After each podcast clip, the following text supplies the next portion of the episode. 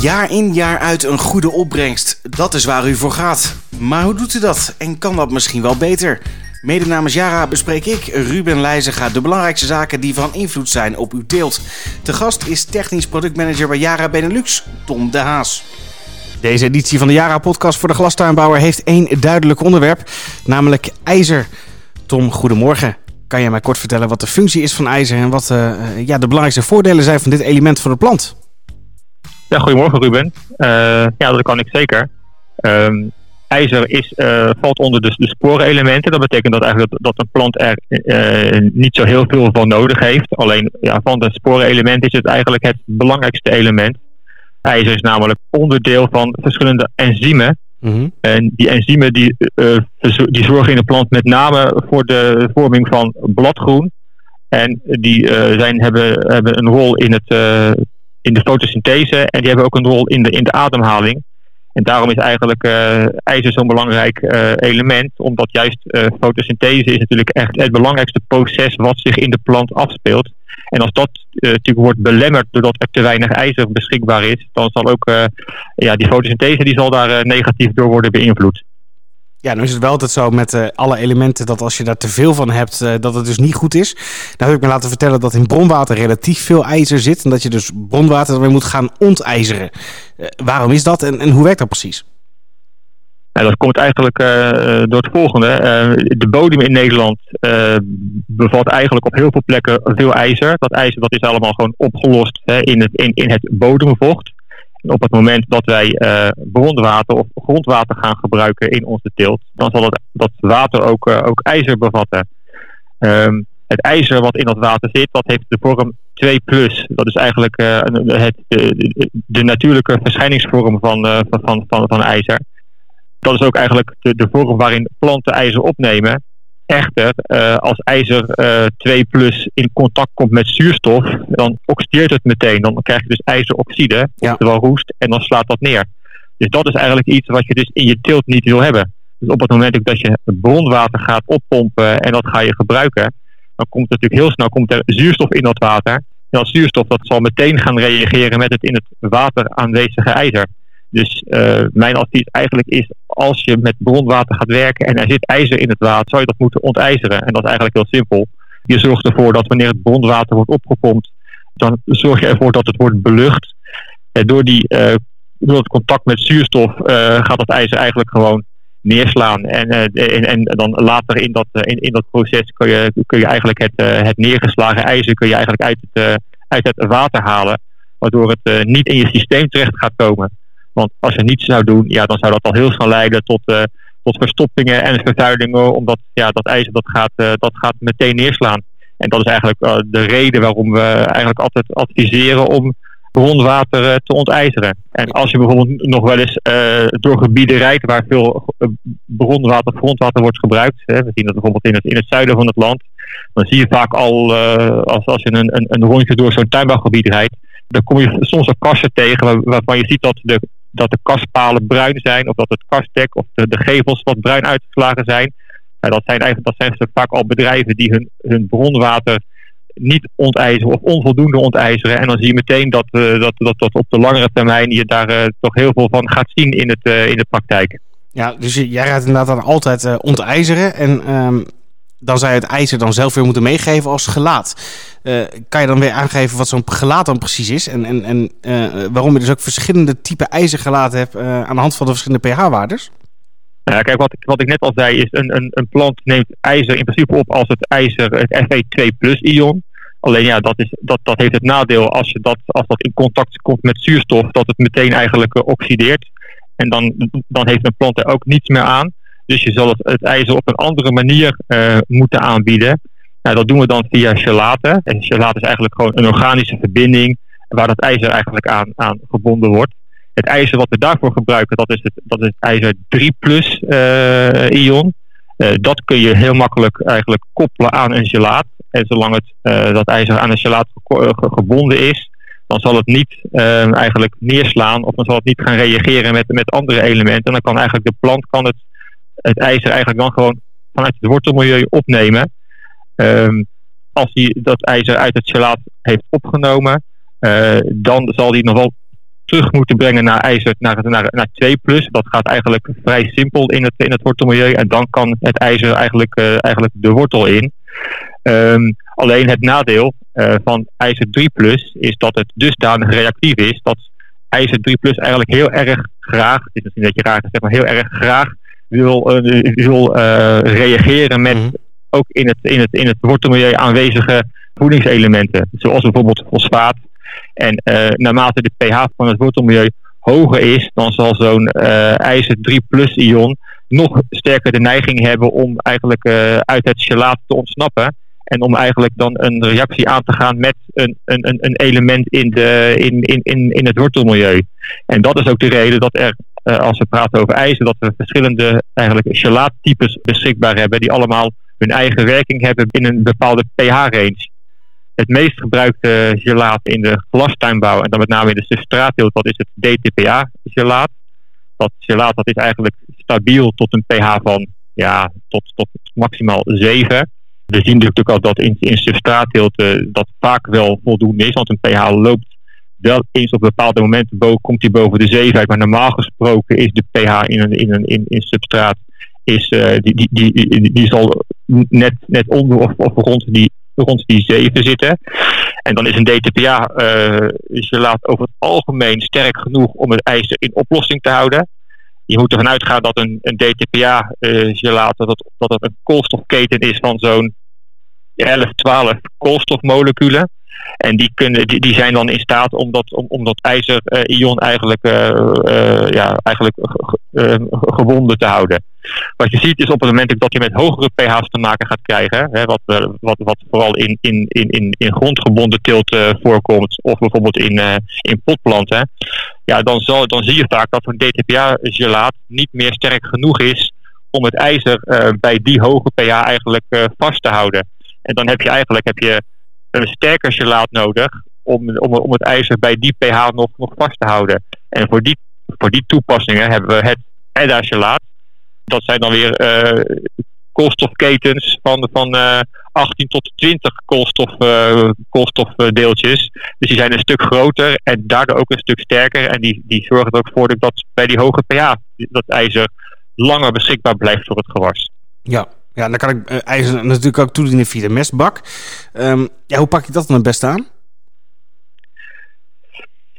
Ja, uh, in in de, mijn advies is eigenlijk om uh, ijzer altijd in de A-bak te doen. En dat is eigenlijk niet, niet specifiek mijn advies, dat is eigenlijk altijd een, een algemeen advies. En de reden is eigenlijk dat ten eerste in de A-bak zitten, eigenlijk, zitten bijna altijd alleen maar stikstofmeststoffen die eigenlijk van nature die eigenlijk geen eigenschap hebben dat ze überhaupt met ijzer iets, iets kunnen gaan reageren. En ten tweede is de, is de, de uh, pH van de A-bak vaak uh, precies goed om het ijzer stabiel te houden. Want een van de eigenschappen van, van, van is, het is natuurlijk een, een koolstofketen. en koolstofketens die zijn gevoelig voor afbraak. Enerzijds door UV-licht. Dat is ook vaak de reden dat een, dat een mesbak, met name een A-bak, afgedekt moet worden. Dat als je bijvoorbeeld ijzer uh, opslaat in een, in, in een bulkvat, dat het een, ook een donker vat moet zijn om te voorkomen dat, uh, dat, dat UV uh, eh, door de tank heen eigenlijk het, het, het gelaat kan, kan, kan aantasten. Ja. En dat geldt voor de, de, dus ook voor, voor de A-bak. Als de, de, de A-bak is vaak niet te zuur, waardoor het gelaat eigenlijk daardoor ook, ook intact blijft. En uh, mijn advies is eigenlijk ook altijd om een A-bak zo min mogelijk aan te zuren. Um, een, een DTPA-gelaat kan vaak nog wel een lager pH verdragen. En dan zeg je een pH van 3, dat, dat, zou, dat zou moeten kunnen. Maar werk je bijvoorbeeld al met, met rood ijzer, dus met, met EDA-gelaat, um, ja, die zijn veel gevoeliger voor uh, de, de afbraak door zuur. En uh, dan moet je nog veel voorzichtiger zijn om een, om een bak aan te zuren ik weet in de praktijk is, wordt het wel eens gedaan. Want ja, met name dat poederijzer, dat vaste ijzer, dat is vaak slecht oplosbaar. En als je de bak wat aanzuurt en, en de pH wat verlaagt, dan komt het makkelijker in oplossing. Alleen ja, je weet ook nooit exact hoeveel ijzer je toe gaat voegen en wat het effect op de pH heeft. En uh, ja, bij net iets te veel zuur kan de pH zomaar uh, te ver wegzakken, waardoor je eigenlijk je gelaat al gaat beschadigen. Dus mijn advies is altijd de ijzer in de A-bak en dan bij voorkeur zo min mogelijk aanzuren. is het nou ook zo dat ijzer nog een effect heeft op uh, ontsmettingsinstallaties? ja, die, die bijvoorbeeld werken middels UVC of via ozongas? Ja, dat heeft wel degelijk een effect. Kijk, je ziet natuurlijk zelf al, als je natuurlijk ijzer aan een mestbak toevoegt, dan, wordt die, dan, kleurt die oplossing die kleurt, die kleurt rood of mhm. bruin. afhankelijk van hoeveel ijzer je eraan toevoegt en welke type ijzer je toevoegt ja, natuurlijk ook het gietwater wat de kas in gaat. Dat is natuurlijk weliswaar een, een mengsel van de A-bak en de B-bak en je, en, en, en, je, en je uitgangswater. Maar ook, die, ook, ook uh, dat water heeft natuurlijk al een, al een roodachtige kleur. Maar dat betekent ook dat het dreefwater, wat, wat uh, natuurlijk het, het teeltsysteem verlaat, dat heeft ook een, een, een rood- of bruinachtige kleur. Nou, tegenwoordig is het zo dat iedereen die zijn drainwater hergebruikt, die, uh, die, die ontsmet dat, dat, drainwater. Omdat je natuurlijk niet wilt dat schimmels en, en, uh, en, en, uh, en bacteriën, met name schadelijke schimmels en bacteriën, dat die natuurlijk via het drainwater weer, weer opnieuw de kas inkomen. Dus dat drainwater dat wordt, dat wordt ontsmet. Nou ja, een, van de meest gebruikte ontsmettingsmethodes is, is, is, is, is een UV-ontsmetter. Nou, hoe donkerder het drainwater wordt, hoe meer moeite het eh, de, de UV-ontsmetter heeft om binnen een bepaalde tijd een, een, voldoende ontsmettend effect te hebben.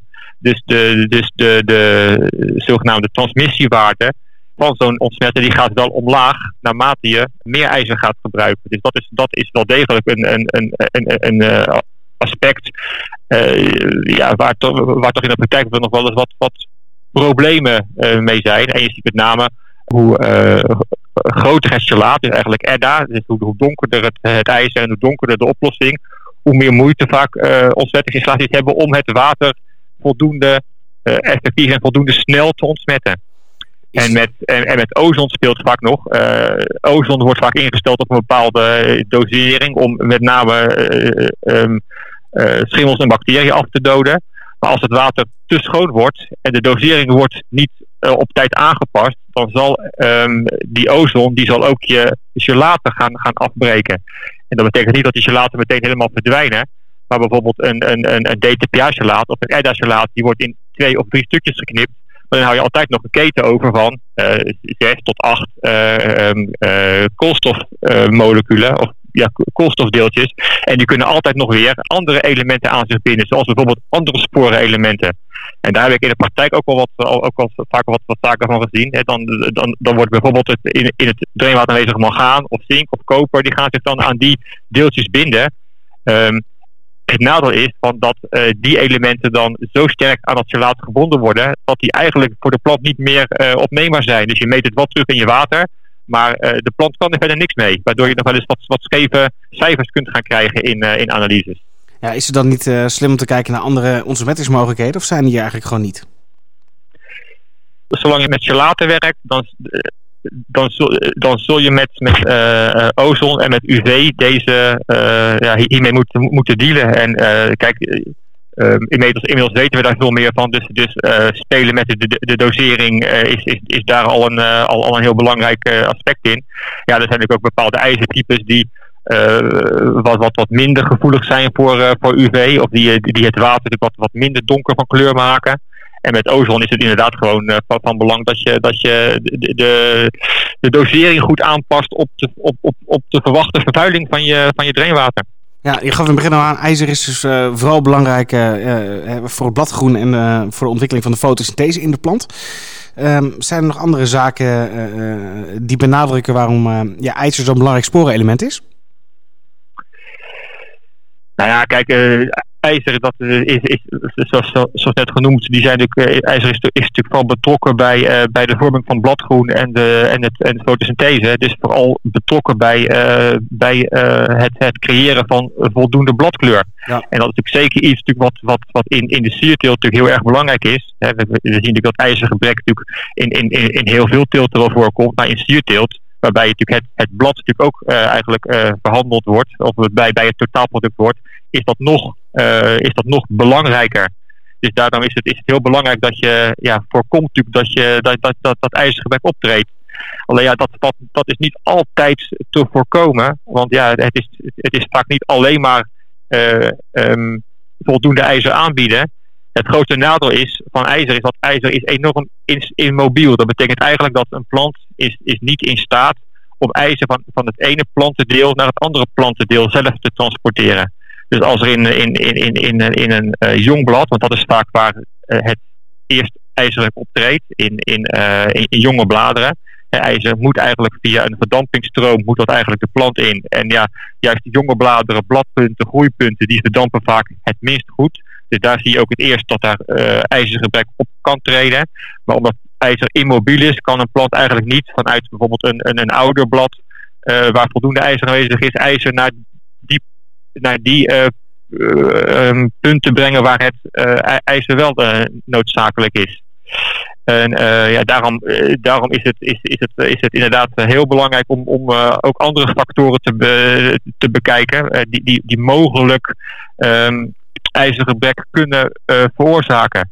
Hey, bijvoorbeeld de worteltemperatuur kan bepalend zijn. Als, als die te laag is, dan, dan, dan heb je weinig activiteit, waardoor er gewoon geen ijzer wordt opgenomen. Ook als het keeltmedium te nat is, dan zal dat, dat negatief werken op de opname van ijzer. Uh, als als planten heel snel groeien, dan zie je nog wel eens dat, dat, dat de ijzeropname daar, daarbij achterblijft. Want dan neemt de plant gewoon heel veel water op. En natuurlijk ook ja, die hoge pH. Als, als inderdaad toch de pH hoger is dan het, het wat je aanbiedt, ja, dan kan je ook, ook daardoor dus wat, wat, wat beschikbaarheidsproblemen krijgen. En ehm, ja, ijzer ook al zit het nog in een gelaat, als het, als natuurlijk een hoge pH is en er is bijvoorbeeld heel veel fosfaat in de grond aanwezig, ja, dan, dan wil het nog wel eens wat, wat, wat ijzer eigenlijk uittreden en dan toch met, met het fosfaat een verbinding aangaan. Waardoor je ook eigenlijk een, een, eh, een, een, een ijzergebek kunt krijgen in het wortelmilieu. Dus eigenlijk is het, is, het, is een heel breed aspect van waar je op moet letten bij ijzer. Het gebrek aan sporenelementen is vaak uh, lastig te herkennen. Maar het voordeel van ijzer is dus wel dat je dat relatief goed kunt zien. Ja, als je praat over gebreksverschijnselen, dan, dan, dan, lijkt het, eh, dan lijken de, de gebreksverschijnselen van, van, door sporenelementen wel op elkaar. Maar ijzer laat zich eigenlijk altijd wel het, het snelst zien, omdat, omdat ijzergebrek zich eigenlijk altijd, dat ontstaat eigenlijk altijd in de, de, in de allerjongste plantendelen. Dus in, in, in jong blad, in groeipunten. Dus als, als je daar als eerste een, een geelverkleuring ziet, dan weet je bijna zeker dat dat ijzergebrek is. En dan moet je actie ondernemen. Tot zover. Tom. Dat klopt, ja, dat klopt. Tom, dankjewel. Luistert u eh, nou naar deze podcast en denkt u, het is allemaal wel leuk en aardig, maar ik zou nou wel eens wat willen weten over andere gelaten. Of ik heb een hele specifieke vraag over mijn teelt. Stel uw vraag dan, neem eens contact op. Dat kan heel gemakkelijk via de website www.jara.nl. En daar vindt u ook uh, meer edities van deze podcast.